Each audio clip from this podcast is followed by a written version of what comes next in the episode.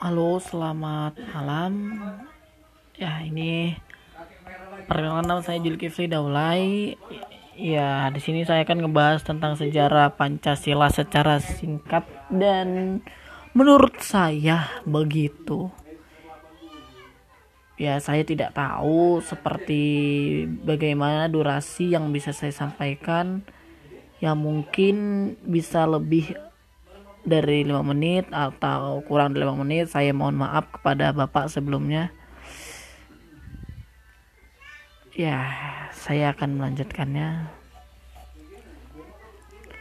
Nah kita di sini membahas tentang sejarah Pancasila. Namun bagaimana sebenarnya sejarah lahirnya Pancasila itu?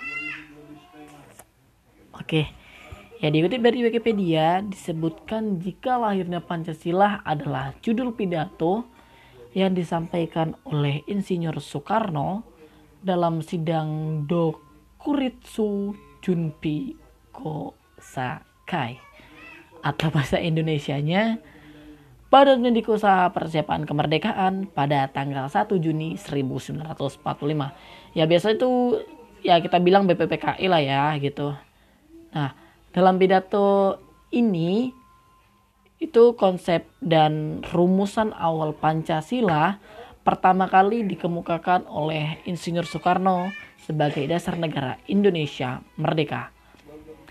Ya pidato ini pada awalnya disampaikan oleh Insinyur Soekarno secara aklamasi tanpa judul dan baru mendapat sebutan lahirnya Pancasila ya dikatakan oleh mantan ketua Badan Penyelidik Usaha Persiapan Kemerdekaan.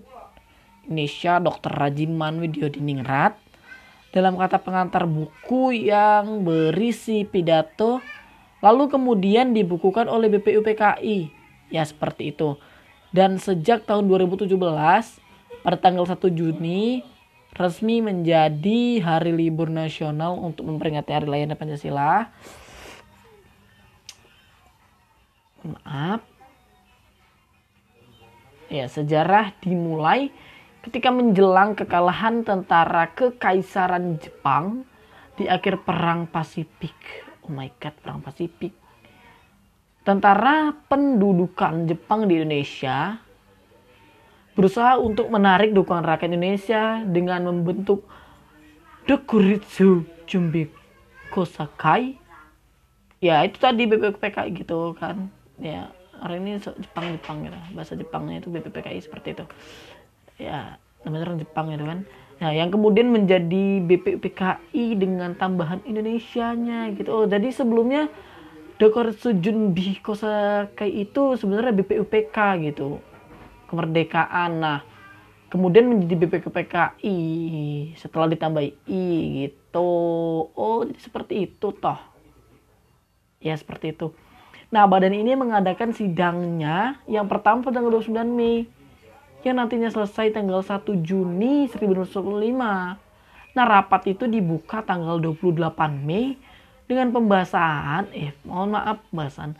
Pembahasan dimulai keesokan harinya pada tanggal 28, 29 dengan tema dasar negara. Nah, rapat pertama ini yaitu diadakan di gedung Chosangi In ya sore ada innya. Di Jalan Penjambon 6 Jakarta yang kini dengan sebutan Gedung Pancasila pada zaman Belanda gedung tersebut merupakan gedung Volkskrant atau bahasa Indonesia-nya itu ya perwakilan rakyat gitu. Nah setelah beberapa hari tidak mendapatkan titik terang pada tanggal 1 Juni ya itu Bung Karno mendapat giliran untuk menyampaikan gagasannya tentang dasar mohon maaf. Ya menyampaikan gagasan tentang dasar negara Indonesia merdeka gitu. Yang dinamakan Pancasila yaitu tadi. Hmm, seperti itu. Pidato yang tidak dipersiapkan secara tertulis terlebih dahulu diterima secara aklamasi oleh segenap anggota Dokuritsu Jumbi Kosakai. Maaf saya agak norak Nah selanjutnya Dokuritsu Jumbi Kosakai itu membentuk panitia kecil untuk merumuskan dan menyusun undang-undang dasar dengan berpedoman pada pidato Bung Karno tersebut. Nah dibentuklah panitia 9 yang terdiri dari Insinyur Soekarno, Muhammad Hatta, Mr. Amaramis, Abi Kusno Soko Sujono, eh sorry, Joko Sujoso, Abdul Kahar Mujakir, Agus Salim, Ahmad Subarjo, Wahid Hasjim, dan Muhammad Amin. ya, yang ditugaskan untuk merumuskan kembali Pancasila sebagai dasar negara berdasarkan pidato yang diucapkan oleh Bung Karno pada tanggal 1 Juni 1945. Nah, dan dijadikan dokumen tersebut sebagai teks untuk memproklamasikan kemerdekaan Indonesia.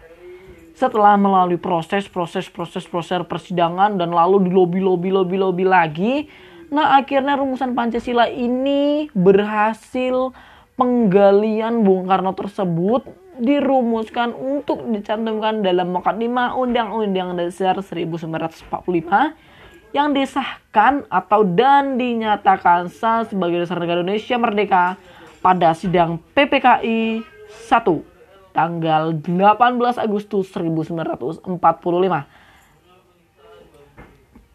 Nah, mungkin itu saja uh, yang bisa dapat saya sampaikan tentang sejarah Pancasila ya menurut saya seperti itu. Dan lebih kurangnya saya mohon maaf.